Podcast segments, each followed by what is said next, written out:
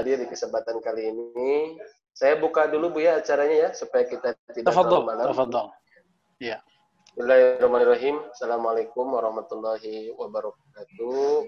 Waalaikumsalam. Waalaikumsalam warahmatullahi wabarakatuh. Alhamdulillahillazi anzala sakinata fi qulubil mu'minin liyazdadu imana ma'a imanihim. Asyhadu an la ilaha illallah wahdahu la syarikala wa asyhadu anna Muhammadan abduhu wa rasuluhu alladzi la nabiyya wa la rasula ba'dah.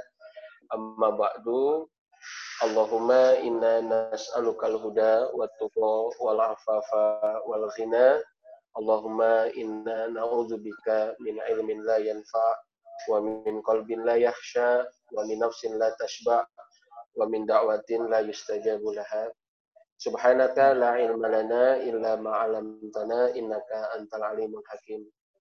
Alhamdulillah segala puji bagi Allah yang sudah memberikan banyak nikmat kepada kita semua dan pada kesempatan malam ini Allah berikan kesempatan kita untuk bisa belajar bersama gurunda kita Buya Dr. Arozi Hafizullah Ta'ala tidak lupa sholawat serta salam. Semoga terlimpahkan kepada tauladan kita inspirator hidup kita Nabi penutup risalah para nabi sebelumnya Nabi akhir zaman. Nah, satu-satunya Nabi yang bisa memberikan syafaatul uzma nanti kepada kita semua, yaitu Nabi Muhammad Shallallahu Alaihi Wasallam. Kepada keluarganya, para sahabatnya, termasuk kepada kita selaku umatnya. Alhamdulillah, terima kasih kami haturkan ya kepada Buya Rozi yang sudah hadir pada kesempatan malam ini. Ya, dari tengah kesibukan beliau masih memberikan kesempatan kepada kita untuk bisa berbagi ilmunya. Di insya Allah kajian rutin bersama Mim Foundation ya, ya, dari Bandung yaitu kajian rutin hadis arba'in an nawawi ya. Dan ini pertemuan perdana iman sekalian dan insya Allah akan kita rutinkan ya eh, apa namanya di kesempatan eh, setiap bulannya ya di setiap bulannya eh, akan kita rutinkan kalau pertemuan perdana sekarang di Sabtu ketiga ya. Dan insya Allah di bulan-bulan berikutnya uh, kita akan ada hadir di Sabtu kedua bersama guru kita ya. Uh, Buya Rozi dan rekan-rekan sekalian, di Bandung kondisinya hujan, Alhamdulillah sudah sekian lama apa hmm. namanya kita menghadapi agak kemarau ya. Dan mudah-mudahan ini berbarengan dengan kajian kita menunjukkan keberkahan buat kita semua ya bersama apa namanya berbarengan dengan uh, belajar kita di kesempatan perdana ini tidak akan berpanjang lebar. Saya sampaikan dulu mungkin uh, beberapa hal ya yang terkait dengan tata tertib uh, apa namanya uh, belajar kita ya dan tadi sudah disampaikan ya slide silahkan dan saya mengingatkan ke teman-teman sekalian ya untuk mencatat atau menyiapkan bukunya, kitabnya, ya, dan mencatat hal-hal yang penting, ya. Mudah-mudahan program apa namanya satu bulan satu hadis gitu ya minimal sekaligus kita bisa menghafalnya. Mudah-mudahan ini mendapatkan keberkahan kita lewat majelis ini, lewat guru kita, lewat tulisan para ulama, dan mudah-mudahan mengantarkan kita untuk mendapatkan keriduan Allah Subhanahu wa Ta'ala. Baik, siapkan juga nanti rekan-rekan sekalian, kita akan ada sesi tanya jawab. Insya Allah setelah satu jam kurang lebih Buya menyampaikan materi, ya kita akan coba ada sesi tanya jawab ya. Alhamdulillah eh, yang hadir pada kesempatan ini 77 peserta ya kurang lebih ya dan insya Allah eh, kita akan mendengarkan paparan materi dari guru kita uh, Buya, mangga dipersilahkan waktu dan tempat ya uh, seluas-luasnya kami siap untuk bisa menerima siraman ilmunya. Mangga Buya, barakallahu fiik. وإياكم. السلام عليكم ورحمة الله وبركاته. وعليكم السلام ورحمة الله الحمد لله رب العالمين حمد الحامدين حمد المستغفرين حمدا يعافي نعمه وكافئ مزيدا أشهد أن لا إله إلا الله أشهد أن محمدا عبده ورسوله. اللهم صل وسلم وبارك على نبينا محمد وعلى آله وأصحابه ولبيته وذريته أجمعين وبعد. Baik eh, sahabat-sahabat semua, terutama yang kita sangat hormati, cintai, Ustadz Hasan Faruqi dan teman-teman uh, Hamim Foundation. Semoga Allah mudahkan urusannya, Allah sampaikan maksudnya. Amin. Ya Rabbal Alamin. Begitu juga teman-teman yang ikut uh, ke dalam kajian kita hari ini dari berbagai wilayah. Alhamdulillah Rabbil Alamin. Ya, seperti yang kita sepakati bahwa kajian kita akan menyentuh hadis ya. Karena banyak sekarang e, orang tidak sabaran. Jika uh, al-ilmu itu bisabri, iya. ilmu itu wajib dengan sabar. Uh, kesabaran berilmu itu salah satunya adalah kesabaran berguru. Orang hari ini nggak sabar berguru seperti dulu Imam Bukhari sabar berguru sehingga gurunya 1700, Ibn Hibban sabar berguru sampai gurunya 2000. Hatta Imam Ahmad yang simbol dari salaf itu kan Imam Ahmad itu gurunya juga banyak sekali. Imam Syafi'i juga banyak sekali dan rekor yang tertinggi itu Abu Hanifah sampai gurunya uh, eh, 4000. Nah, itulah salah satu sunnah ulama salafus soleh. Jadi kalau betul kita mengikuti ulama salafus soleh, maka tidak usah dulu kita berbicara penampilan, tapi mari kita ikuti uh, metode mereka belajar supaya ilmunya sama, ilmunya uh, munasib, muafik, ilmunya nanti serasi.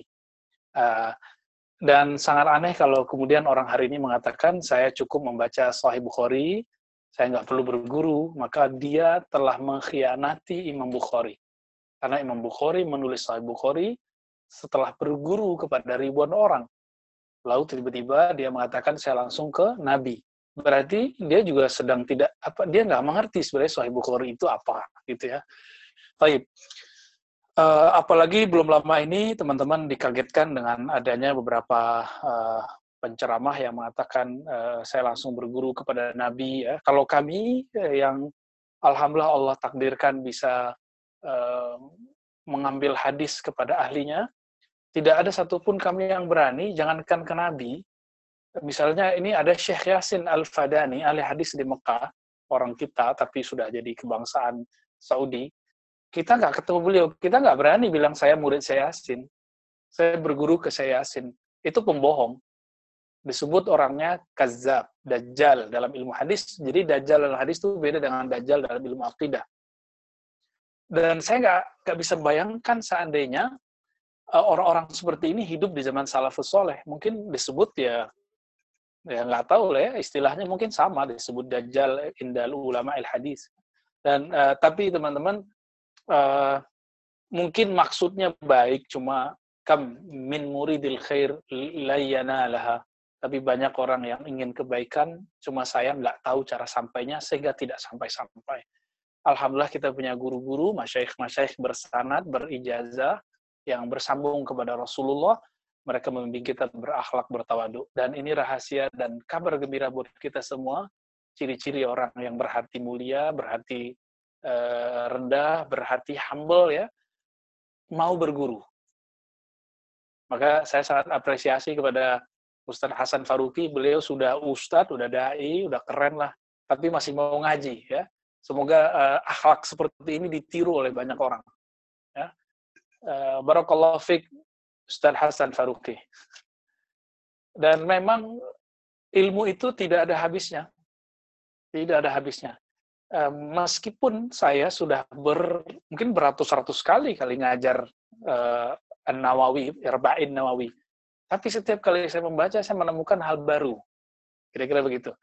Baik teman-teman, kita langsung saja. Nanti eh, di pertemuan keberapa saya akan sebutkan sanat saya ke Imam uh, Nawawi atau nanti saya kirim ke teman-teman uh, uh, Mim Foundation ya.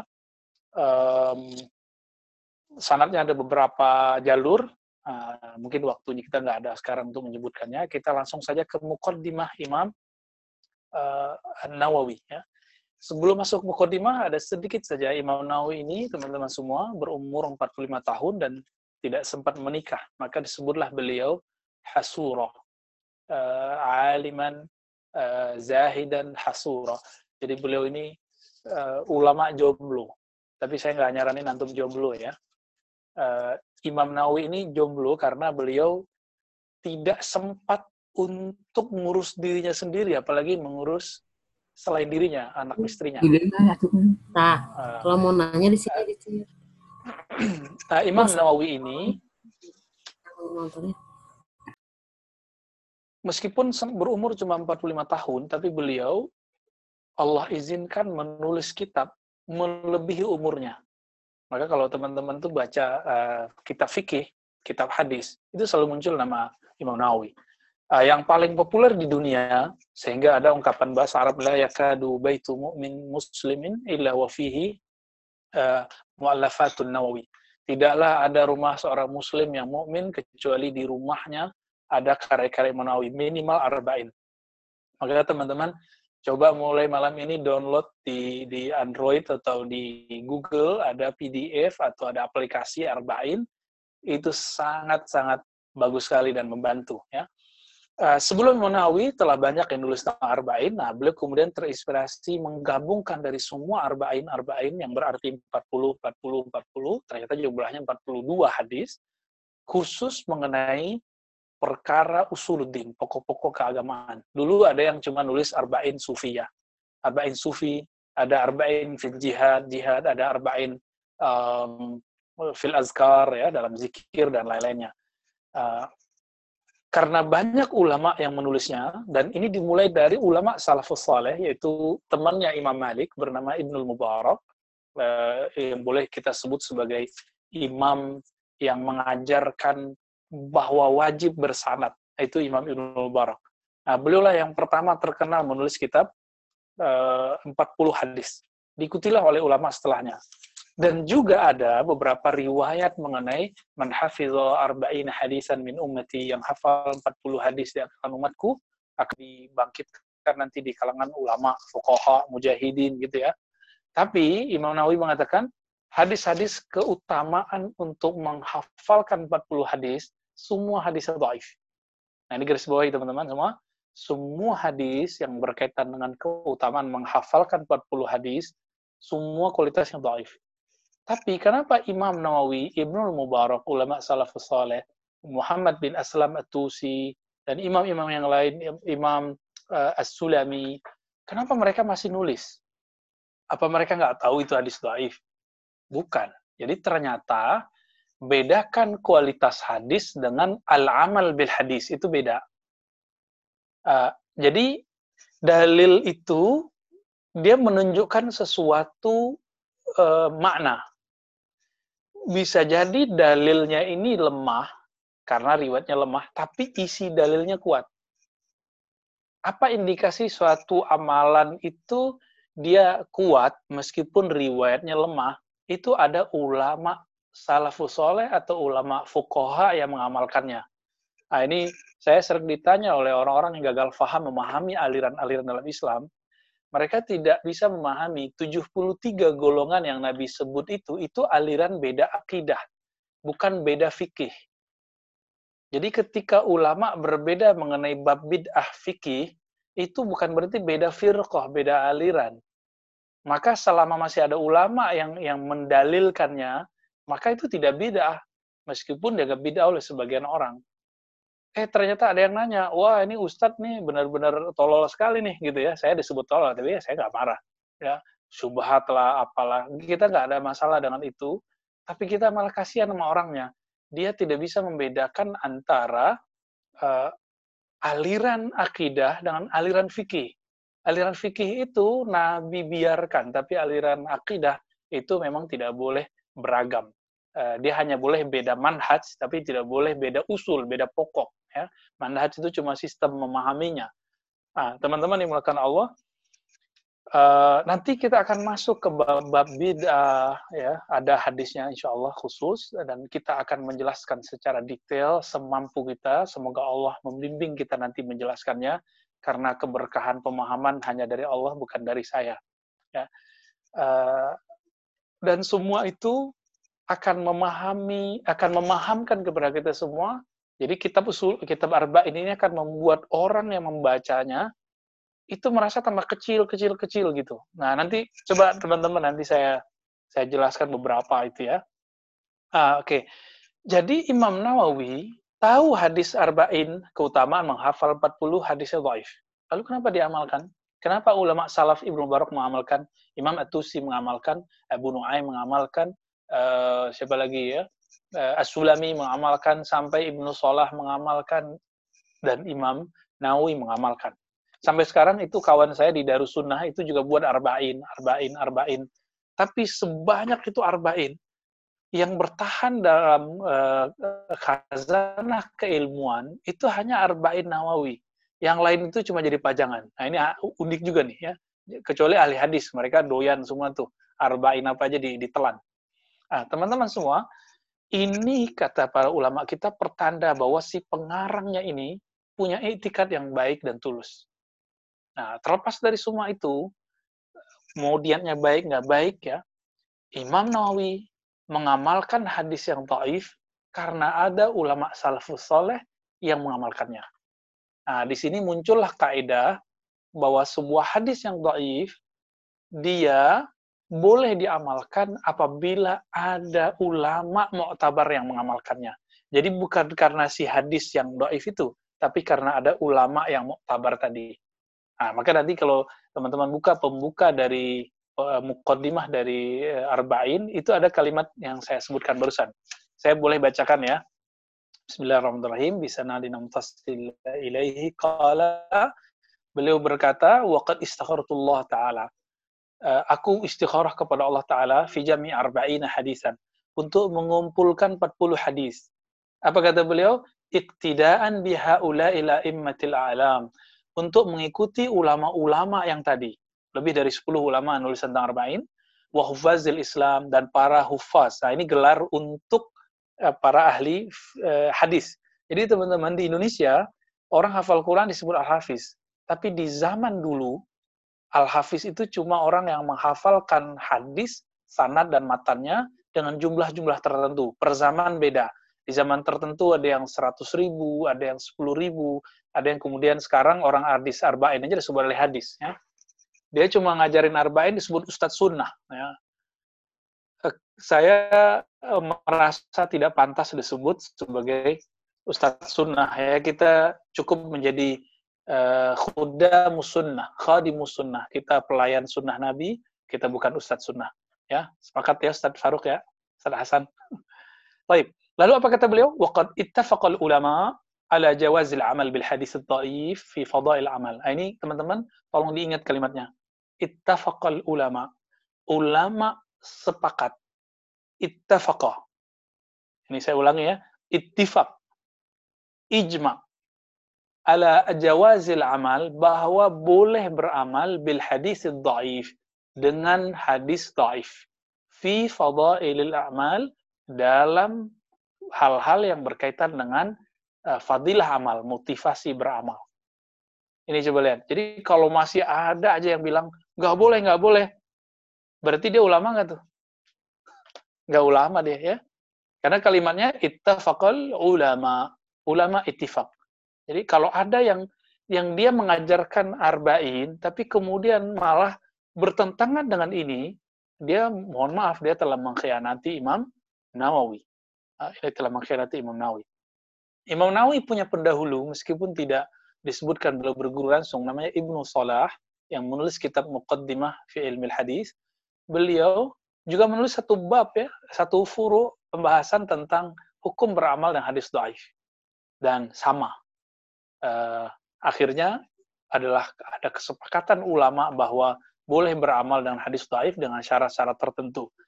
Uh, oleh karena itu, teman-teman semua, karena ingin meniru para ulama dan para hufaz dan ulama membolehkannya, maka kita tidak boleh lagi syak mengenai kebolehan menggunakan hadis-hadis yang daif.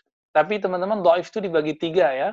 Daif yang biasa, daif yang syadid, daif yang parah, ada daif yang palsu.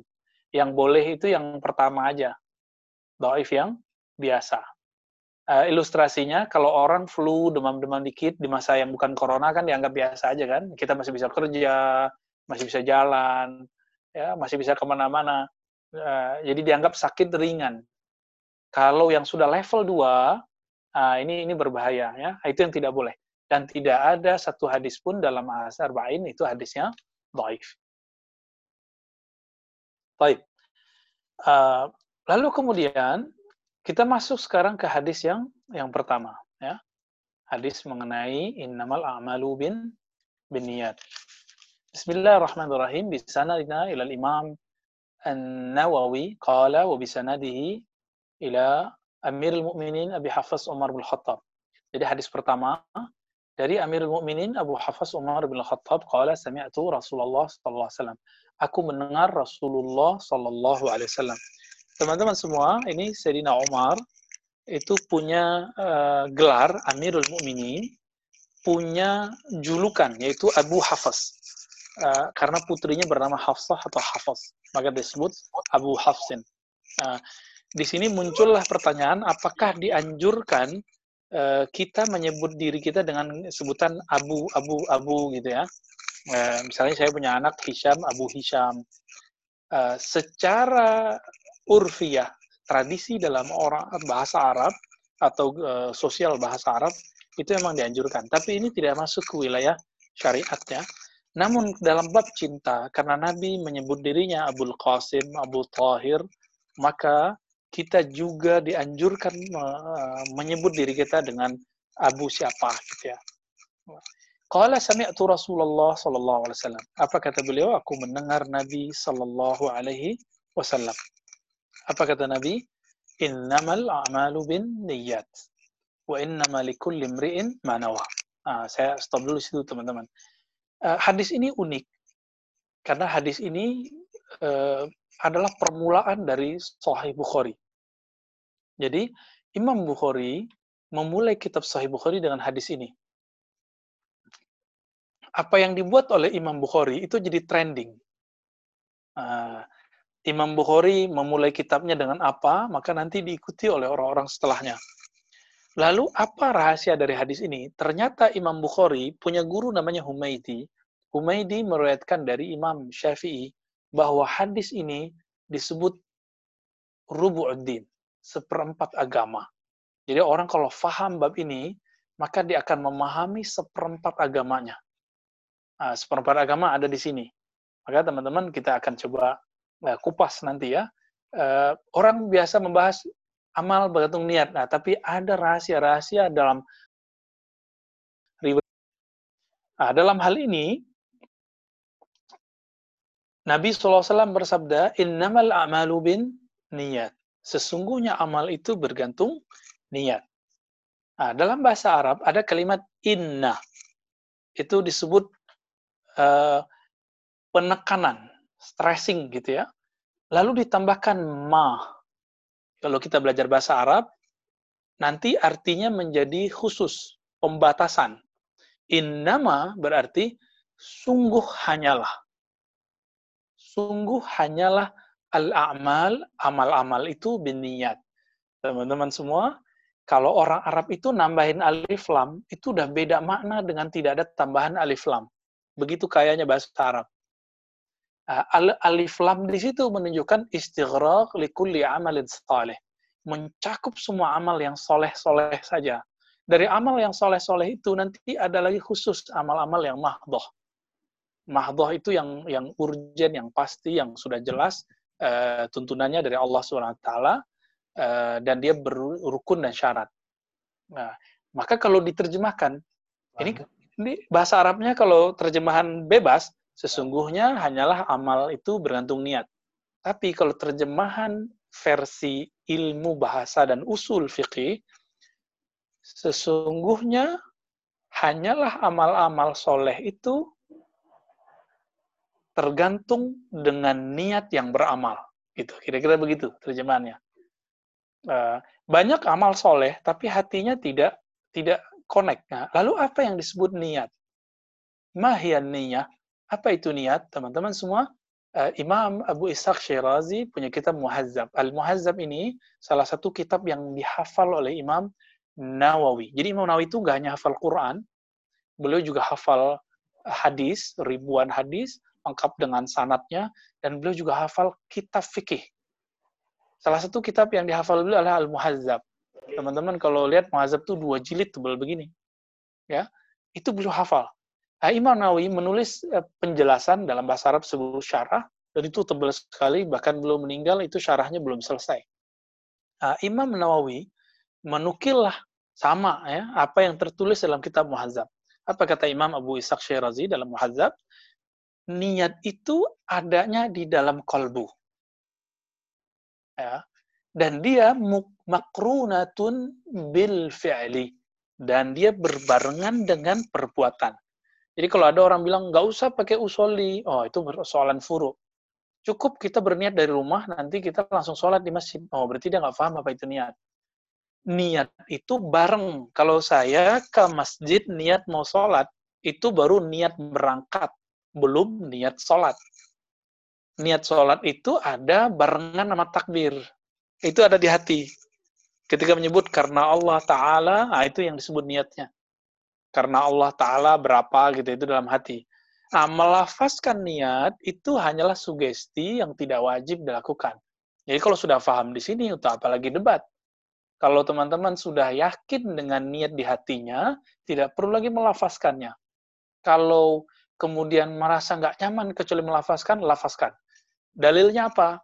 Imam-imam kita, Zakaria al-Ansari, Ibn Hajar al-Laitami, dan imam-imam belakangan mengatakan bahwa niat itu dianjurkan untuk dilafazkan, termasuk Imam Nawawi, dianjurkan untuk dilafazkan untuk apa? Untuk memantapkan. Dan ini dikiaskan dari amal haji. Jadi orang haji itu eh, ada niatnya, labbaika hajjan, labbaika umratan. Ya Allah, aku memenuhi panggilanmu untuk melaksanakan haji atau umroh. Nah, ini dilafazkan, nggak baca ini nggak sah haji umrohnya. Jadi teman-teman yang dulu pergi haji umroh nggak baca ini uh, niatkan lagi berangkat lagi deh sana ya. Uh, biar nanti ditunaikan lebih sempurna. Uh, apalagi makna hadis ini? Saya kalau bersedekah dan zakat misalnya saya mau zakat nih 2 juta saya mau sedekah 2 juta bedanya di mana di niat di kolbu Salat subuh dua rakaat, salat sunat fajar dua rakaat, beda di mana? beda di niat. Misalnya anggap saja teman-teman ini nggak nggak kunut misalnya ya, sholat subuh dua rakaat nggak kunut, sholat sunat dua rakaat nggak kunut. Bedanya cuma di di niat. Sholat zuhur dan asar, sholat sunat zuhur empat rakaat, sholat sunat asar empat rakaat, itu bedanya cuma di niat. Nah, itu secara hukum fikih. Apalagi arti niat. Jadi niat pertama artinya adalah apa? gerak hati atau tujuan hati yang berbarengan dengan dengan perbuatan. Tapi ada makna kedua yang ditulis oleh Imam Nawawi dalam permulaan dari kitab Riyadhus Salihin. Beliau menyebutnya hudurul qalbi atau hudur niyah. Ya, hudurul qalbi. Uh, kesadaran hati saat beramal. Itu disebut juga niat. Maka orang-orang yang sholat tapi dia tidak ada kesadaran dalam sholatnya, sholatnya tidak diterima. Disebutlah fawailul musallin, celaka bagi orang yang sholat karena di ayat eh, dua ayat setelahnya mereka eh, lalai. Ya. Baik. Eh, inilah kira-kira makna innamal a'malu bin niyat secara umum. Ini kaidah besar. Lalu muncul kaidah kedua, wa innama likulli imri'in ma Dan sungguh hanyalah bagi setiap orang hanya dia mendapatkan apa yang dia niatkan. Eh, sahabat-sahabat menekan Allah, kita misalnya ya, sholat atau baca Quran, ingin di nanti tunggu aja. Dalam beberapa waktu nanti akan ada yang muji. Tunggu aja, bentar aja itu nanti ada yang puji. Uh, begitu ajibnya niat, karena niat itu dia bergerak uh, lebih cepat dari yang lain. Yang dikatakan misalnya dalam uh, riwayat keutamaan berkurban, yang sampai bukan darahnya, bukan dagingnya, tapi at-taqwa. Kan begitu. At-taqwa itu di sudur, dia dia buah dari niat yang tulus. Faman kanat hijratuhu, uh, faman kanat hijratuhu, siapa yang hijrahnya? Nah, jadi Nabi setelah memberikan kaidah, lalu Nabi memberikan contoh. Ini kaidah. Amal soleh tergantung niat. Berarti amal tidak soleh, nggak perlu pakai niat. Lalu setiap orang akan mendapatkan apa yang dia niatkan. Nah, ini kaidah, kaidah besar. Sekarang dikasih contoh. di zaman Nabi kasusnya adalah orang-orang berhijrah dari Makkah ke Madinah karena ingin berebut menikahi janda cantik eh, namanya eh, Umrul Qais. Nah, ini ini disebut dengan asbabul wurud. Nah, ini teman-teman salah satu kewajiban seorang pengajar hadis sebelum belajar mengajarkannya adalah mempelajari apakah hadis ini mempunyai konteks sejarah yang disebut asbabul wurud. Di belakangnya itu ada kisah-kisah yang kemudian membuat hadis ini muncul. Dan itu wajib bagi seorang pengajar hadis. Kalau enggak, maka dia akan bertabrakan nanti dengan ahli fikih, ahli akidah, dan lain-lain. Ya. Sama, eh, misalnya contoh, kalau orang nggak paham eh, konteks sejarah, ketemu hadis Nabi bilang, Inna abi wa abaka finnar, ayahku dan ayahmu masuk neraka. Kan Nabi ngomong gitu ke orang. Kalau nggak paham sejarah ini, nanti orang akan bilang orang tua Nabi di neraka. Gitu. Nah, nanti kita akan sampai ke bab-bab tersebut jika Allah izinkan, insya Allah. Nah, lalu Nabi kasih contoh, siapa yang hijrah kepada Allah dan Rasulnya, uh, ilah itu juga bisa berarti li ya. Siapa yang hijrah karena Allah dan Rasulnya, maka dia berhijrah karena Allah dan Rasulnya. Kalau kita kembalikan ke mana asalnya ilah, maka pertanyaannya, siapa yang berhijrah kepada Allah? Hijrah secara bahasa itu artinya move, moving. Intiqal min makanin ila makan. Ya, e, berpindah dari satu tempat ke tempat yang lain itu disebut dengan hijrah. E, atau kita menjauhi suatu tempat itu disebut hijrah. Maka ada sebuah hadis la yahillu li, li muslim ayyahjura akhah ya fauqa salasi ayam. Tidak boleh, tidak halal bagi seorang muslim untuk yahjura, hijrah juga. Yahjura, apa artinya di situ? Mm, menjauhi saudaranya, tidak menyapa saudaranya selama tiga hari. Gitu. Satu akar kata tuh yahjura. Nah, artinya menjauh, tidak menyapa. Nah, maka hijrah itu bisa artinya menjauh.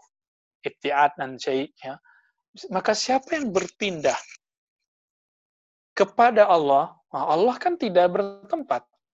Ya, apa maksudnya? Maksudnya siapa yang berpindah karena Allah.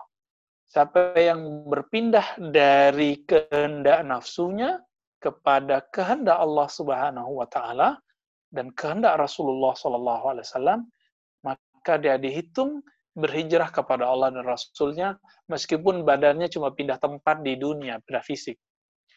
Waman kanat hijratuhu dunya yusibuha. Siapa yang hijrahnya karena dunia yang hendak dia capai, aw imra'atin yankihuha atau karena ingin menikahi seorang lawan jenis, fa hijratuhu ila ma hajara ilaih. Maka dia hanya dinilai hijrah untuk itu. Nah, ini teman-teman, hijrah ini kata Nabi, la hijrata ba'dal fathi, hadis sahih Muslim. Tidak ada hijrah setelah futuh Mekah. Illa jihadun wa niyah. Kecuali jihad dan niat jihad melawan musuh, melawan diri sendiri, melawan musuh yang ada, yang zahir, dan musuh yang tidak zahir. Uh, waniyah dan niat yang tulus. Jadi jihad itu sekarang sudah terkhususkan maknanya kepada dua hal, yaitu uh, apa apa hijrah itu sudah berbalik makna ya ke jihad dan niat. Uh, di hadis ini dikatakan bahwa hijrah siapa yang hijrah karena dunia Secara harfiah dunia itu bermakna sesuatu yang dekat dan rendah. Sedangkan akhirat artinya sesuatu yang jauh dan dia uh, tinggi. Walal akhiratu khairun laka minal ula. Ya, akhirat itu lebih baik daripada dunia. Maka dunia di situ disebut ula. Yang awal, ya. Padahal sebelum ini kita sudah ada awal sebelum di sini yaitu di alam yang lain yang disebut alam uh, ruh ya. Maka teman-teman semua, siapa yang hijrahnya karena hal-hal duniawi, duniawi di situ bisa bisnis. Saya uh, uh, di, dilaporkan oleh beberapa teman-teman, ada teman orang nih ini hijrah, dia berpenampilan dengan gaya A karena dia jualan baju-baju, pakaian-pakaian atau herbal-herbal yang dikonsumsi yang dipakai oleh komunitas A.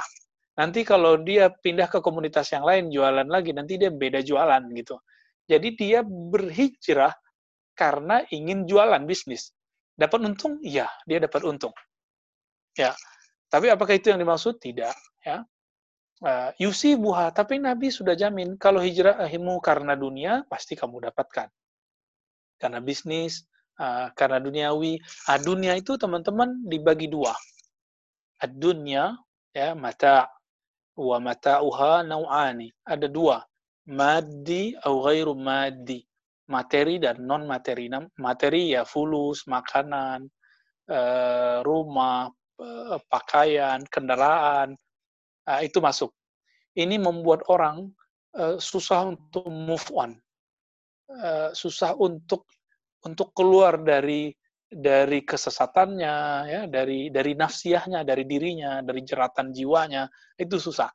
Nah, dan yang kedua, ghair madi, tidak materi, tapi dia nyata. Dua-dua ini nyata. Misalnya popul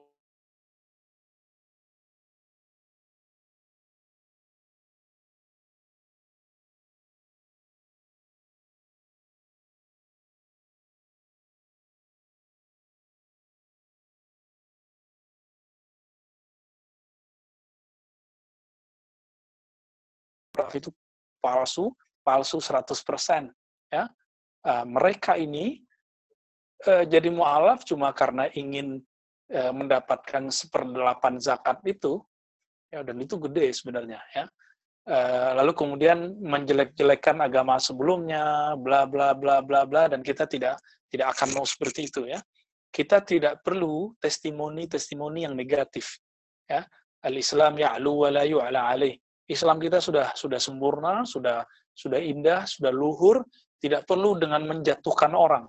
Jadi satu kemuliaan itu tidak perlu dengan cara menjatuhkan orang. Maka teman-teman, eh, in kunta alian ya, fala tuhinu ahadan. Jika engkau Anda memang mulia, maka jangan rendahkan siapa pun. Ya. Lalu Nabi mengatakan, awim ra'atin yankihuha atau ingin menikahi kalau secara harfiah perempuan. Karena Nabi lebih berbicara kepada laki-laki, tapi terjemahan maknawi yang kita pakai malam ini atau ingin mendapatkan pasangan hidup. Yang kihuha yang bisa dia nikahi. Maka dia akan mendapatkan apa yang dia niatkan dari hijrahnya ya ada orang yang hijrah uh, ya bagus-bagusin suaranya ketika Quran ya. Nanti biar dapat ikhwan atau akhwat yang yang suka dengan suara itu ya. Suatu kali ada seorang kawan kita imam masjid uh, imamin terus pakai suara-suara ala sudes ya. Tahu sudes ya imam masjidil haram. Uh, harapannya nanti biar yang di belakang jatuh cinta atau di belakang yang pernah haji umroh nanti ngajak dia umroh. Bener Ba'da sholat ada yang bilang, Ustadz, saya rindu uh, ke Mekah, Madinah, uh, bla bla bla, ujung-ujungnya, ayo nanti saya ajak Ustadz, kesampaian. Nah, jadi apa yang dia niatkan sampai. Karena jangankan Quran, ma'u zam-zam lima syuri balahu. Air zam-zam itu eh, akan menjadi wasilah mewujudkan apa yang kita mau. Apalagi Quran, kalamullah tabaraka wa ta'ala. Jadi Ah, banyak orang jauh-jauh mencari wasilah, menjauh-jauh mencari istiwasa, ternyata Al-Quran sendiri itu sudah cukup menjadi wasilah kita. Baik, hadis ini jadi jika kita maknai lebih dalam teman-teman semua, maka hijrah itu dibagi dua. Hijrah ruhani, yaitu kepada Allah dan Rasulullah, ada hijrah eh, duniawi, baik yang bersifat materi ataupun non materi, maka yang diminta dari kita mulai malam ini coba perbaharui hijrahnya karena Nabi mengatakan la hijrata ba'dal fathi seperti yang kita sebutkan sebelumnya, tiada hijrah setelah Fatu Mekah. Fatu Mekah 8 uh, Hijriah. Jadi setelah 8 tahun Hijriah itu baru Fatu Mekah. Setelah itu sekarang sampai nanti Imam Mahdi diislah oleh Allah, kapan itu rahasia Allah yang tahu, uh, maka tidak ada lagi foto Mekah kecuali nanti Imam Mahdi melakukan foto Mekah. Nah, maka teman-teman semua Yang ada sekarang apa? PR kita dua. Jihad wa niyah. Jadi dua aja. Kita berjuang melawan diri sendiri, melawan uh, musuh yang zahir.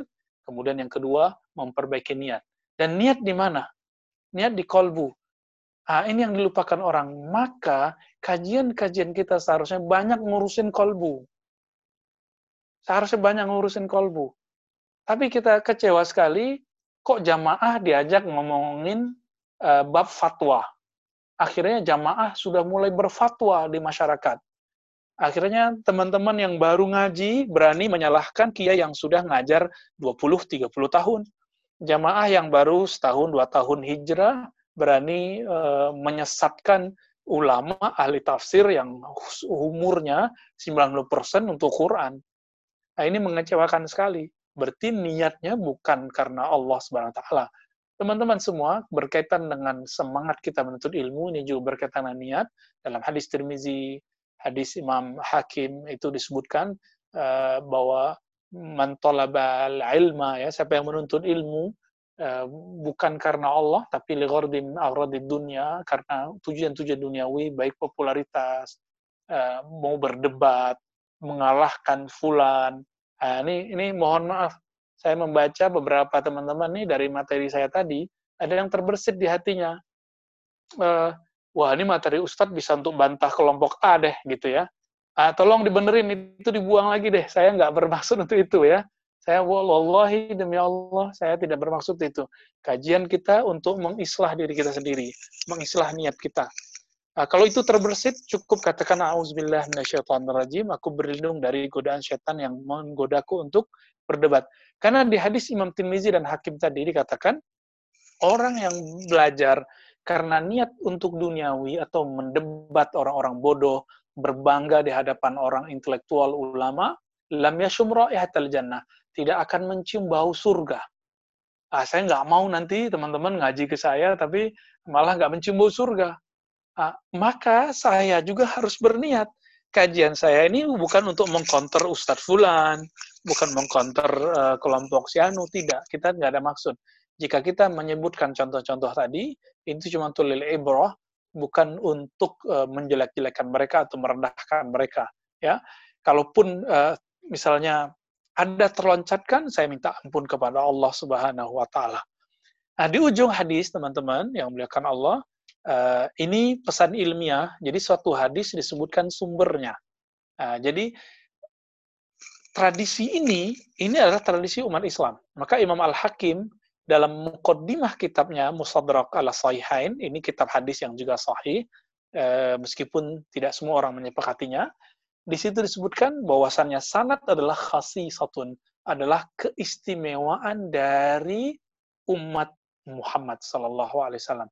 Jadi kalau antum hari ini tidak bersanad, tidak punya ijazah, maka tidak ada yang akan menghubungkan antum dengan para ulama salafus soleh. Maka semua pengakuan itu itu hanya berujung kepada kepada tadlis ya, eh, kebohongan yang terselubung tanpa disadari itu terjebak kepada eh, berbohong kepada diri sendiri. Kita nggak ketemu mereka, nggak punya sanad mereka, dari mana kita tahu kita mengikuti mereka? Nah, Imam Nawawi dengan jujur mengatakan, padahal hadis ini sudah masyhur. Rawahu Imam al-Muhaddisin. Hadis ini diriwayatkan oleh dua imam besar ahli hadis, yaitu Abu Abdullah Muhammad bin Ismail bin Ibrahim bin Mughirah bin Bazdawai al-Bukhari.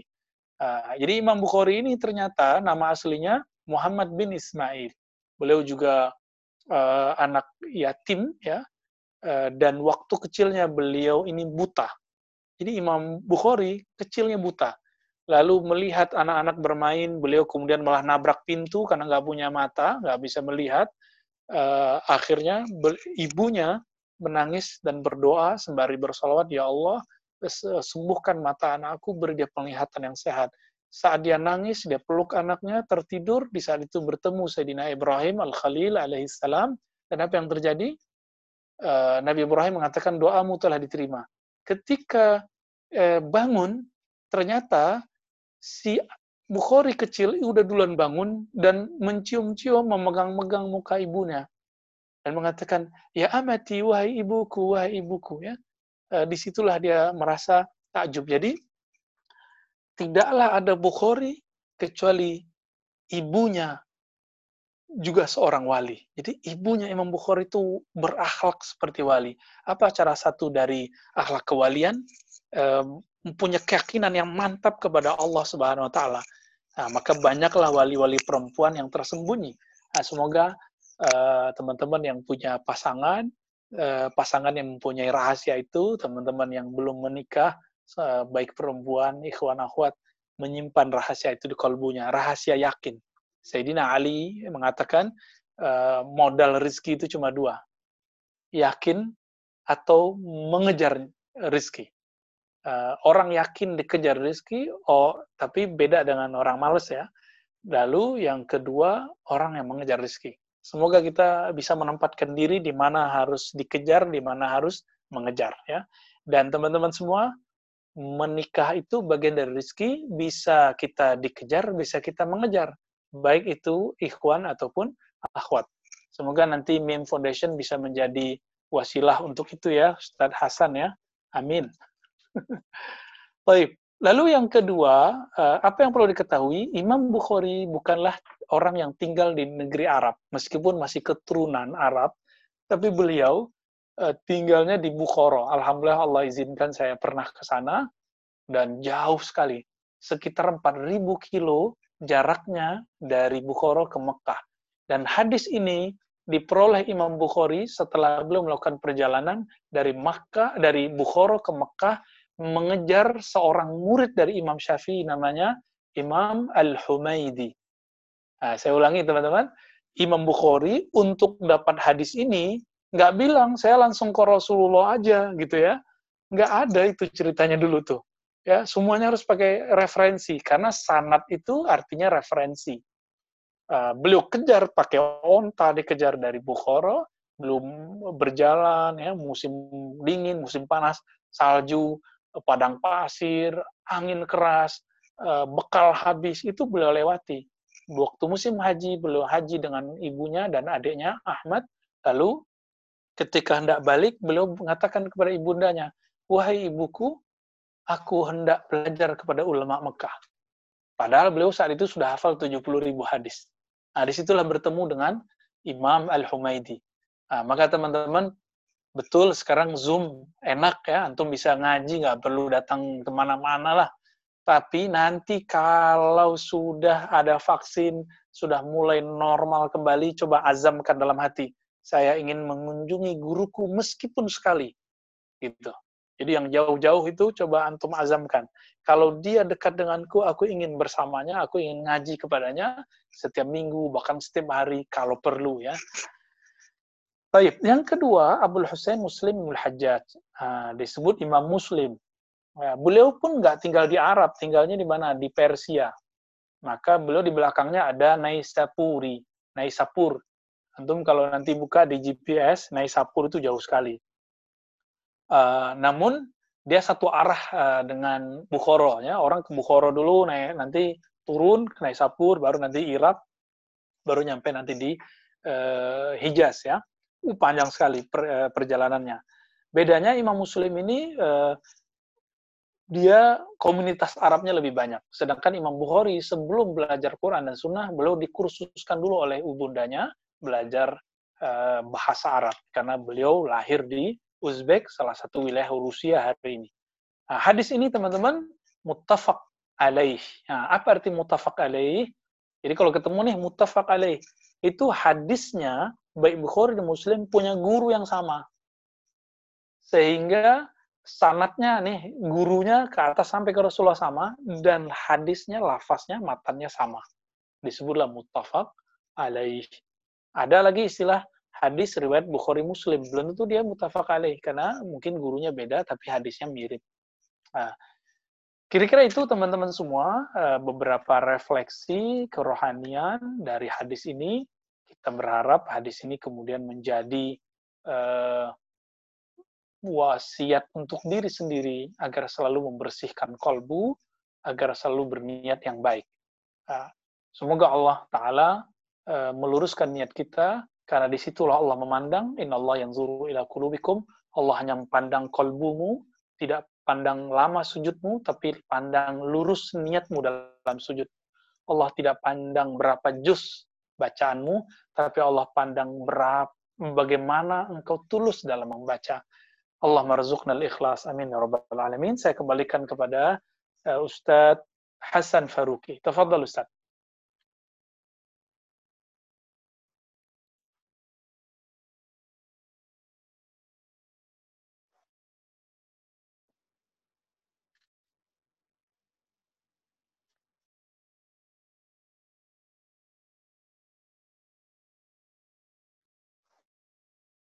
Mana nih Ustaz Hasan?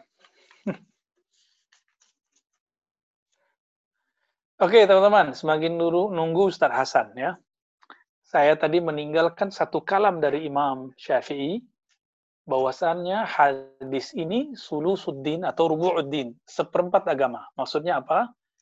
Setiap kali orang beramal, pasti niat dulu.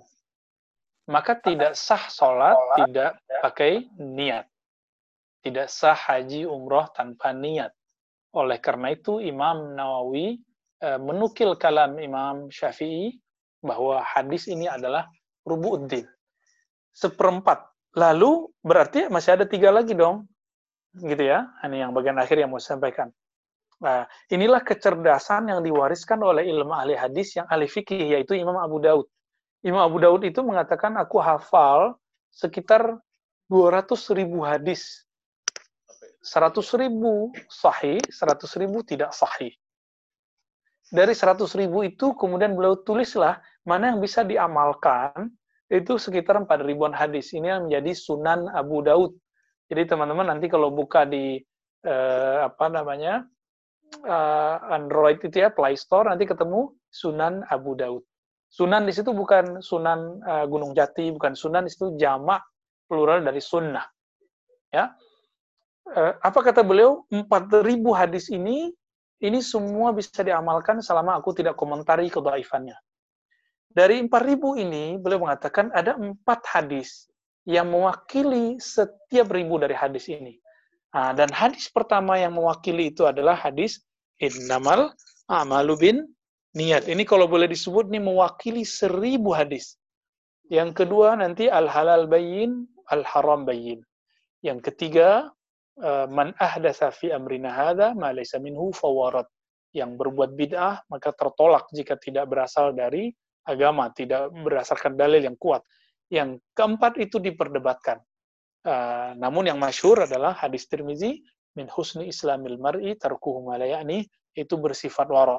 Nah, hadis yang keempat itu dan hadis inamal amul biniat uh, ini menjadi ba ba ba basic dari ilmu kolbu Sedangkan yang kedua dan ketiga nah, itu menjadi basic dari ilmu uh, akidah dan fikih. Ya.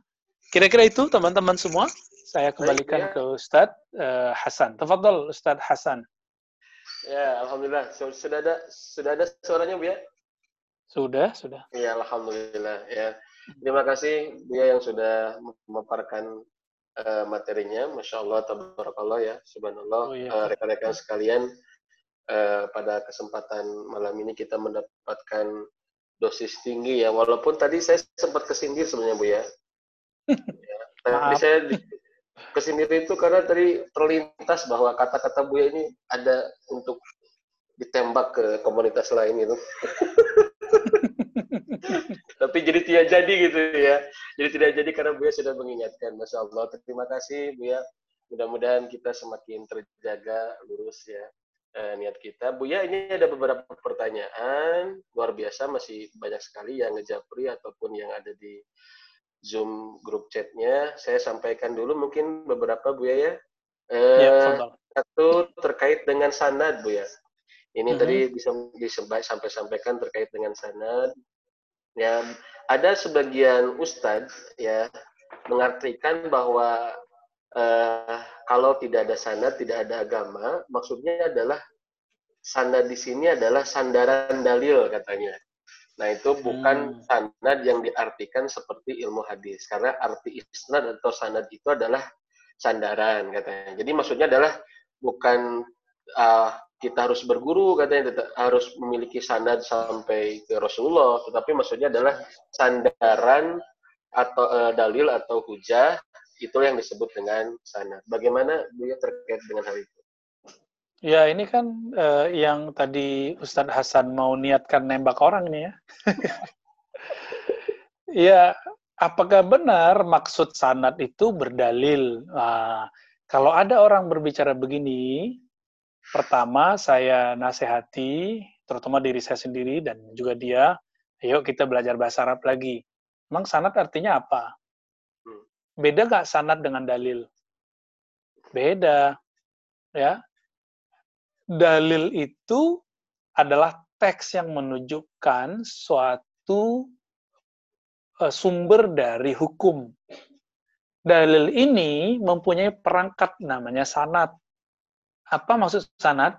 Dalil itu sampai ke kita lewat sanat, maka dalil beda dengan sanat.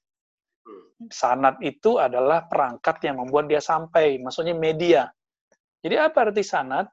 sanad itu boleh kita sebut referensi hadis. Ini sumbernya dari mana sih gitu. Nah, dari fulan, dari fulan, dari fulan. Coba kita kembalikan ke Sahih Muslim ya. Mungkin eh, teman kita itu ajak dia, ayo kita bareng ya buka Sahih Muslim bagian mukaddimah. Nanti ketemu kalam dari Imam Ibnu Barak yang wafat tahun 181 Hijriah, sama zaman dengan Imam Malik, eh, Imam Syu'bah dan lain-lain Beliau mengatakan al-isnadu minad-din. Bersanat bagian dari agama. Apa arti bersanat dijelaskan oleh murid Imam Malik yaitu Imam Syafi'i. Hmm. Al-isnad yaitu haddasana haddasana. Engkau mengatakan guruku menyampaikan begini, guruku menyampaikan begini. Hmm. Jadi bersanat itu bukan mengatakan ini hadis riwayat Bukhari loh, itu bukan bersanat, itu namanya menyebutkan sumber tahrij apa arti takhrij? Takhrij itu orang apa ilmu tentang penelusuran sumber satu hadis. Sedangkan bersanat ini dibagi tiga. Ada sanat fikrah, pemikiran. Misalnya, saya nih berguru ke seseorang syekh, seorang ulama, lalu cara berpikirnya betul-betul mempengaruhi cara berpikir saya. Maka disebut sanat fikrah ada sanad formalitas, itu sanad ijazah. Nah, ini banyak nih ya. Contohnya banyak orang yang tamat di Al-Azhar, tapi akidahnya, manhaj keilmuannya nggak mengikuti Al-Azhar. Banyak. Kenapa? Dia nggak ngaji di Azhar. Tapi LCMA-nya Al-Azhar. Atau sebaliknya, dia tamat di e, Medina, di Mekah, tapi dia nggak ngikutin trennya sana gitu. Tamat di UIN, tapi nggak ngikutin tren UIN misalnya tamat di pesantren NU Muhammadiyah tapi uh, mengikuti tren yang lain. Ini sanad ijazah. Sanad ijazah ini gunanya adalah legalitas. Yang kedua, lil husul alal barakah atau tabarruk untuk mendapatkan keberkahan. Maka bisa saja dulu orang setelah baca Sahih Bukhari kepada ulama fulan, lalu dia baca lagi ke ulama fulan. Termasuk arba'in ini ini salah satu yang digemari ulama kita untuk dibaca berulang-ulang ke beberapa ulama. Misalnya Imam Syuti itu menyindir temannya namanya Sakhawi karena mengulang satu kitab ke 70 ulama. Kata Imam Syuti ya ngabisin umur gitu. Tapi Imam Syuti juga melakukan. Uh, cuma nggak sebanyak itu, nggak 70 kali. Jadi dulu ada tren mengambil berkah. Supaya nanti ijazahnya satu kitab 70 ulama. Dulu ada tren begitu dan itu tren ulama hadis. Ibu Khori sendiri melakukan itu. Ya. Jadi sejauh ini ya, teman-teman bisa cek ke, ke pakar hadis dan pakar fikih. Kalau orang sebut bersanat ya berguru ada lagi. Maka ada sanat yang ketiga, ini lebih penting. Sanat tarbiyah wasuluk. Sanat pendidikan rohani dan akhlak. Nah, sanat ini adalah kita meniru guru kita. Uh, Tarbiyah suluk ini nanti akan mengajarkan bahwa guru bukanlah makhluk yang suci, tapi juga makhluk biasa. Guru bukanlah orang yang serba tahu, tapi guru itu pasti ada yang dia nggak tahu. Ya, jangan dikira nih saya tahu semua hal, nggak banyak hal yang saya nggak tahu. Ada yang dulu kita tahu terus kita lupa, oh, itu sering sekali. Uh, apakah itu akan mengurangi kemuliaan seseorang? Belum tentu, tergantung niatnya. Ya, Ah, kira-kira seperti itu. Ah, begitu Ustaz. Jadi kalau kita merujuk ke Sahih Muslim, istilah-istilah ahli hadis semuanya kalau nyebut sanat ya ya dari fulan dari fulan dari fulan itu yang disebut sanat bukan iya. menyebutkan dalil yeah. gitu jadi jangan dicampur adukan antara istilah fikih dengan istilah hadis yang tak dalil itu istilah ahli fikih sedangkan sanat itu istilah ahli hadis gitu walaupun nanti ada yang beririsan mereka sudah menemukan titik temunya ya tafadhol Ya, uh, terima kasih Bu ya. Ya, ini subhanallah penjelasan yang luar biasa buat kita. Uh, ada lagi terkait dengan kondisi niat nih ya. Ada beberapa hal kayaknya tapi genrenya sama nih ya pertanyaannya tentang masalah hati. Uh, satu adalah terkait kenapa niat itu disebutkan lagi sesudah uh, hijrah. Padahal hijrah sendiri itu butuh niat. Tadi kan ada hadis kecuali jihad dan niat gitu ya, Bu ya. Mm. Nah, mm. nah, kenapa niat itu disebutkan lagi katanya? Uh, padahal uh, hijrah sendiri itu juga butuh niat. Kemudian yeah. yang satu uh, makna nih dengan ini ya ke bagaimana cara tajdi dunia atau memperbaharui niat kita karena sering sekali bolak-balik ya dan bagaimana cara merawat, meluruskan, memperbaharui niat kita.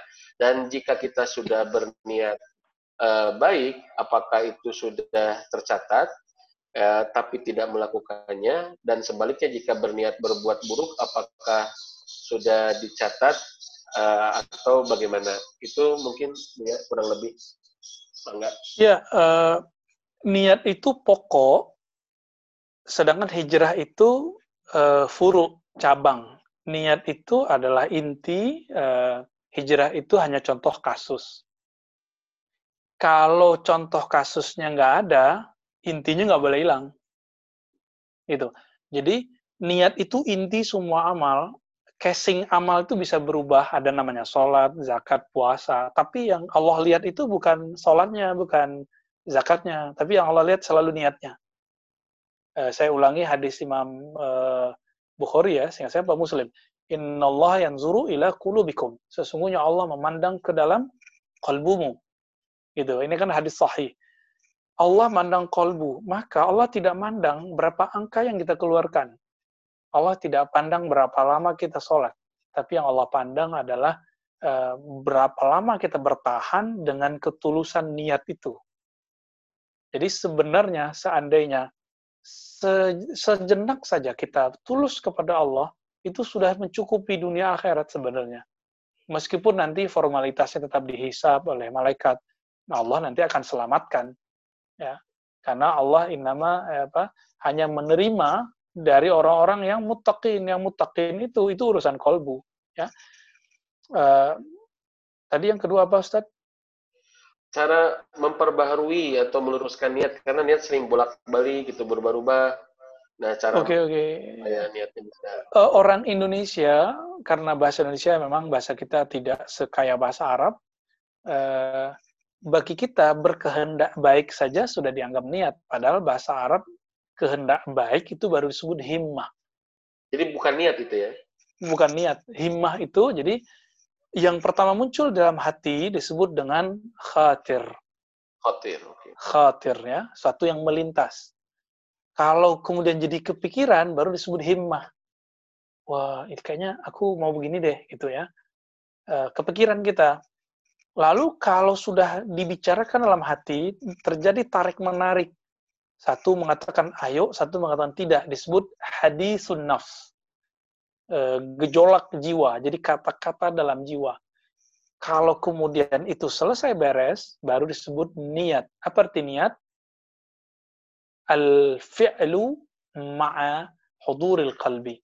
Mengamalkan sesuatu dengan kesadaran. Jadi uh, udah udah ada wujudnya. Jadi dia sudah mulai berbuat. Contohnya nih, saya mau berniat mau uh, menikah. Butuh kemudian modal untuk resepsi atau mahar. Maka saya mulai esok menabung. Ah, itu udah disebut berniat nikah. Tapi kalau hmm. cuma bilang, wah mau nikah ah gitu ya, uh, maka orang ini baru disebut berangan-angan. Berangan-angan nikah. Nah, itu beda. Teman-teman misalnya mau umroh, tapi nggak mulai nabung, berarti belum niat. Tapi kalau sudah mulai nabung, walaupun cuma 10 ribu setiap hari, itu sudah disebut ber, berniat. Kira-kira begitu. Uh, gimana cara memperbaiki niat? Cara memperbaiki niat, uh, inilah yang diajarkan oleh imam imam kita di dalam mazhab syafi'i, yaitu talafuz bin niyah. Ayo lafazkan niatnya. Gitu. Uh, baik di lisan ataupun di hati. Jadi gimana caranya? Ya perbarui aja, gitu. Namun niat ini tidak akan tulus kalau dia tidak punya akidah yang kuat. Oleh karena itu Nabi mengatakan jadidu imanakum. Perbarui imanmu. Bagaimana ya Rasulullah caranya? Nabi mengatakan aksiru min qauli la ilaha illallah. Perbanyak baca kalimat tauhid la ilaha illallah. Jadi mungkin maksudnya bagaimana cara memperbarui ketulusan niat gitu kali ya. Caranya hmm. cuma satu, uh, perbanyak baca kalimat Allah dengan teknik yang benar. Nah, teman-teman di sore yang Bandung itu pernah saya uh, kasih uh, triknya ya, caranya membaca la ilaha illallah dengan kolbu. Nah, mungkin nanti bisa ngobrol lah dengan teman-teman itu. Uh, jika umur kita panjang, nanti saya akan bimbing juga teman-teman MIM Foundation insya Allah. Terutama Ustaz Hasan nih, saya udah janji. Iya, iya. Ya, ya, insya Allah itu saya masih ingat hutang itu Bunda ya, ya Bu ya. Iya. Kalau aneh nggak sempat sono, antum yang ke Jakarta, Depok, ke Ciputat, ke mana lah nanti kita ketemu ya. Insya Allah Bu ya. Atau aneh ke Bandung. Insya Allah. Insya Allah kami sudah mengagendakan hari Selasa di Ribat sudah mulai ya Bu ya. Sudah, sudah mulai. Ya Insya Allah. Mudah-mudahan Allah takdirkan kami bisa ke sana Bu ya. Amin, amin. Insya Allah. Uh, ada pertanyaan selanjutnya Bu ya, kurang lebih nih kita ada masih ada waktu 10 atau 15 menit lagi Bu ya.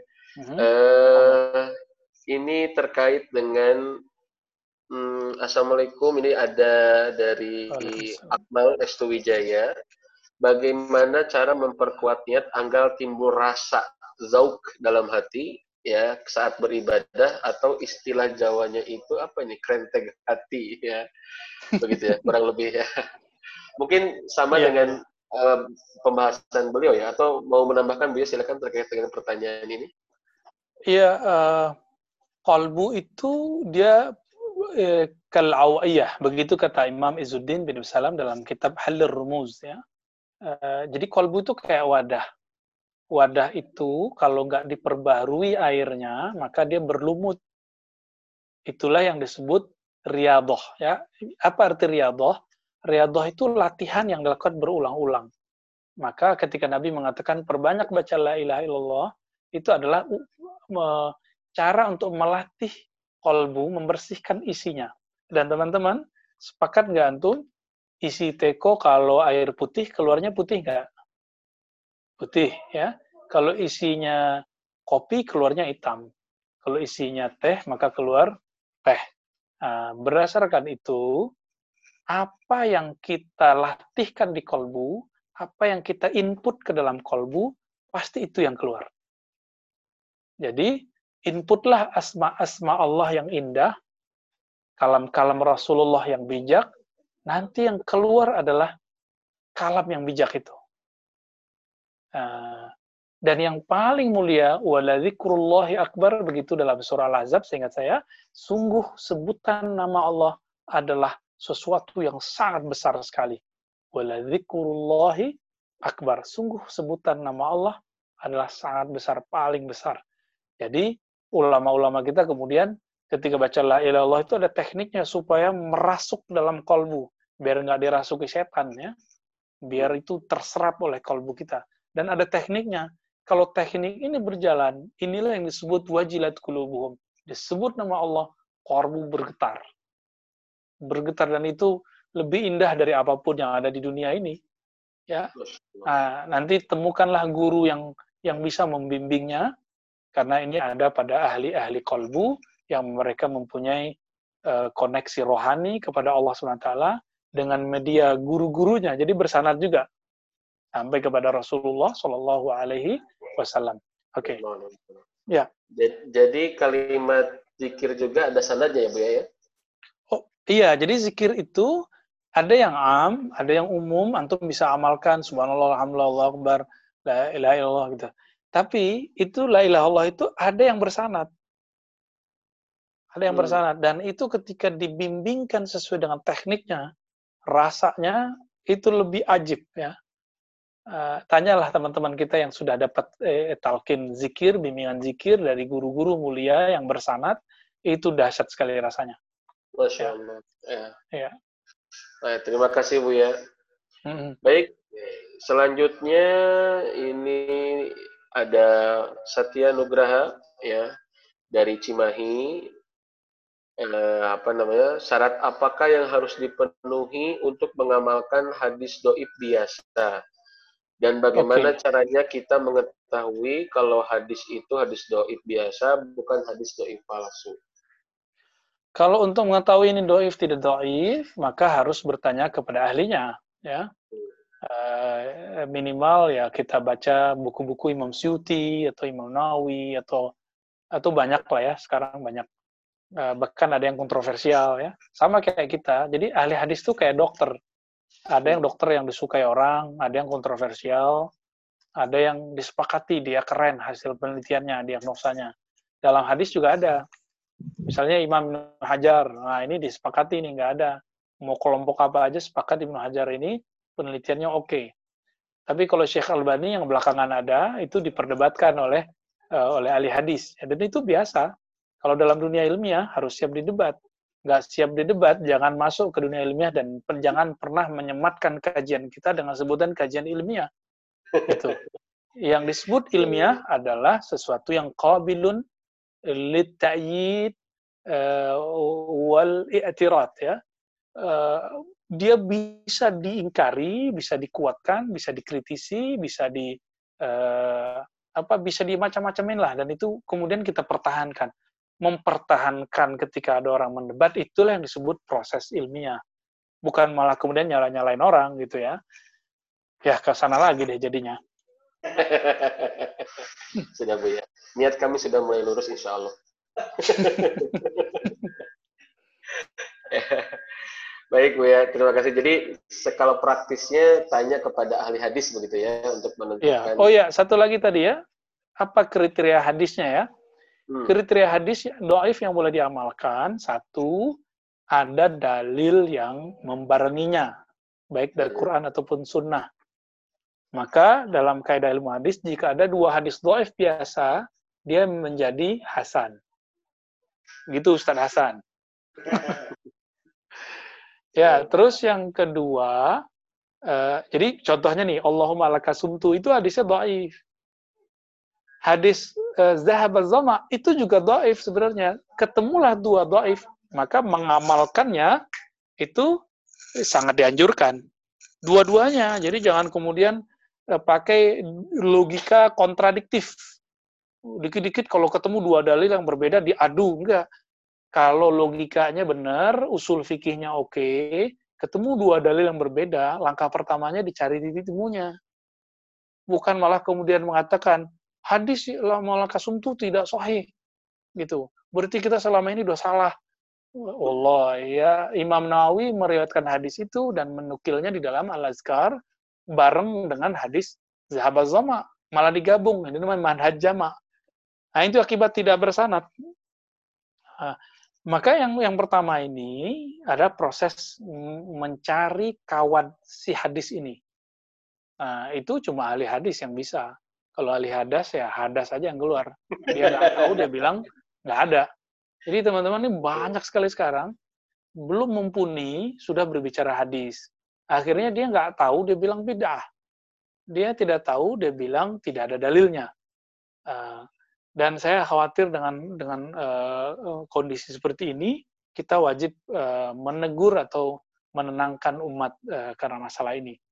Dan yang kedua, uh, Allah yakuna syadid dhafi. Hadisnya tidak terlalu doif. Nah, itu tadi ya, doif biasa. Dan yang terakhir, yang ketiga, hadis ini ketika diamalkan kita tidak meyakini ini benar-benar sahih. Nah, maka eh, di situlah Imam Nawawi ngasih celah tadi, saya mengamalkan menulis arba'in bukan karena hadis do'if, keutamaan 40 hadis, tapi karena ada ulama yang mengamalkannya. Jadi ini saya kasih clue-nya teman-teman, selama masih ada ulama mazhab yang mengamalkannya, maka itu bukanlah bid'ah. Nah, jangan disamakan mazhab dengan firqoh. Lagi-lagi ya, ada yang mengkritisi kita tapi nggak punya modal keilmuan yang kuat. Dianggaplah mazhab itu firqoh. Ya, nauzubillah min zalik. Ya, nauzubillah min zalik. Oke, Ustaz. Cukup sekali, Ustaz? Ya, Bunda, Buya, ada tiga menit lagi boleh? Uh, boleh, Ya, ini pertanyaan terakhir ya uh, dari Sukabumi. Uh, terkait sanad dan ijazah, apakah sanad dan ijazah dalam ilmu agama harus didapat dengan cara talaki langsung atau cukup dengan kajian online seperti ini dan kami mendapatkan hmm. sanad dan ijazah? Nah, begitu. Itu ada Ya, kalau di zaman konven tradisional dulu emang harus ketemu gitu ya. Tapi kalau di zaman sekarang kuliah aja bisa lewat online kan. Wisuda aja bisa lewat online maka selama masih ada virus begini ya insya Allah masih boleh lah. Tapi nanti kalau sudah mulai normal kembali, antum wajib safar, wajib wajib jalan, ya, wajib ketemu.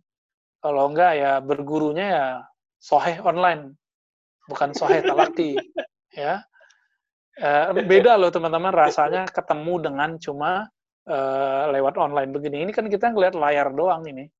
Yeah. Cuma karena antum punya husnun niyah, ketulusan niat, uh, maka karena ruh itu juga tidak terbatas oleh tubuh ini, ruang dan waktu, kita bisa merasakan getaran-getarannya. Nah, kalau bukanlah karena Allah membukakan ruang itu, waktu itu, maka kita akan defense terus, kayak mau nolak terus, kira-kira seperti itu. Uh, jadi, untuk zaman sekarang, ijazah yang antum dapat, ini bisa dua nih. Ijazah pemikiran dan ijazah sanat uh, legalitas gitu. Artinya uh, boleh ngajarin uh, arba'in nanti gitu bisa. Tapi antum tidak dapat yang ketiga ijazah uh, terbiah wasuluk nggak dapat. Karena terbiah suluk itu harus ya bersama gurunya walaupun cuma beberapa hari walaupun cuma beberapa jam. Kita harus menyaksikan gitu gurunya gimana cara beramalnya gimana. Gitu baik terima kasih Bu ya itu pertanyaan terakhir Uh, Lau Samahta, Bu ya, silakan ada kalimat penutup untuk kami semua agar bisa baik, belajar, meluruskan niat, mendapatkan hmm. keberkahan ilmu ya. Silakan Bu ya. Uh, teman-teman semua, Allah memandang ke kolbu uh, dan salah satu perangkat dari kolbu itu adalah ilmu dan ilmu itu ternyata adalah uh, jalan pintas menuju Allah karena ilmu adalah sifat Allah dan Allah menyebut dirinya alim, maha tahu. Maka Ibnu Abbas uh, mengatakan al ilmu lillah ya bal ilmu illa yakuna lillah. Ilmu itu adalah sifat Allah, milik Allah, maka sang punya ilmu enggan jika ilmu ini ada di hati seseorang, di pikiran seseorang, di rumah seseorang, kecuali ilmu ini akan membimbing orang tersebut menuju Allah SWT. Maka mari berilmu sebanyak-banyaknya, bermakrifat sedalam-dalamnya, insya Allah nanti kita akan uh, bertemu Allah dalam keadaan yang saadah, kebahagiaan yang abadi. Amin ya rabbal alamin. Demikian dari saya, uh, mohon maaf kebetulan masih ada tamu, jadi saya harus live langsung ya. Oke, okay? live ya, langsung. Makasih. Jazakumullah okay. ya. Ya, Assalamualaikum warahmatullahi wabarakatuh. Waalaikumsalam warahmatullahi wabarakatuh. Ya. Terima kasih kepada gurunda kita Buya Roziha Hashim Hafizahullah Ta'ala yang sudah memaparkan kajian hadis Arba'in pada kesempatan malam kali ini. Dan Alhamdulillah teman-teman eh, malam ini kita kurang lebih ada 100 orang yang bisa terlibat dalam majlis online bersama Ming Foundation. Ada dari Saudi juga, ada dari Sumatera Selatan, ada dari Sukabumi, ada dari Tangerang, Jakarta, Bandung, dan sekitarnya. Alhamdulillah bisa bergabung di kesempatan malam kali ini. Doakan kami agar bisa istiqomah, ya menjadi jalan kebaikan buat Anda semua. Ya di setiap bulan kita akan apa namanya kajian khusus ya apa namanya membahas hadis Arba'in An-Nawawi bersama guru kita Buya Razi. Terima kasih atas atensinya, perhatiannya. Insya Allah kita gabung di bulan depan, di pekan yang kedua. Kalau hari ini kita Sabtu ketiga, pekan ketiga, insya Allah bulan depan Sabtu kedua. Dan jangan lupa tetap follow MIM Foundation ya di akun Instagramnya supaya dapat tetap informasi tentang kajian-kajian. Terima kasih, mohon maaf saya Hasan Faruqi sebagai moderator di kesempatan malam kali ini. Atur nuhun, jazakumullah kasiron kepada semua teman-teman yang sudah terlibat ya tim dari MIM Foundation juga ya dan yang hadir mudah-mudahan menjadi jalan kebaikan jariah buat kita semua. Barakallahu fikum kita tutup dengan kifaratul majlis. Subhanakallahumma asyhadu an la ilaha illa anta astaghfiruka wa atubu ilaik. Assalamualaikum warahmatullahi wabarakatuh.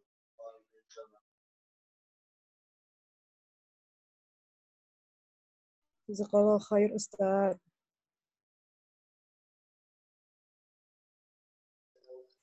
وجزاك الله خير Thank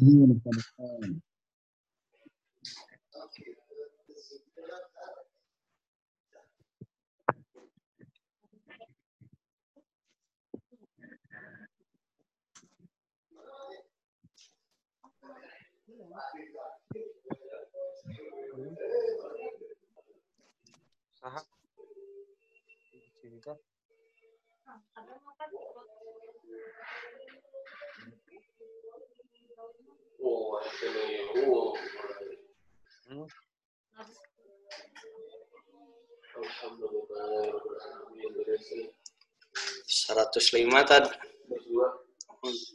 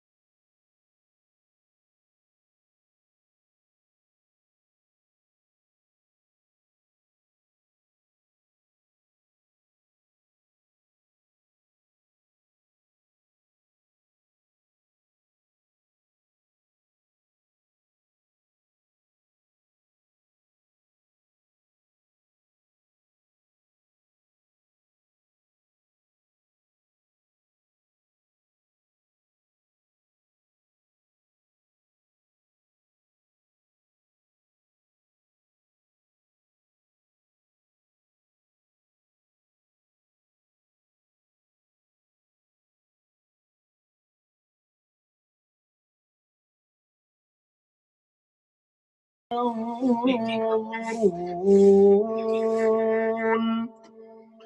تعرف في وجوههم نضرة النعيم.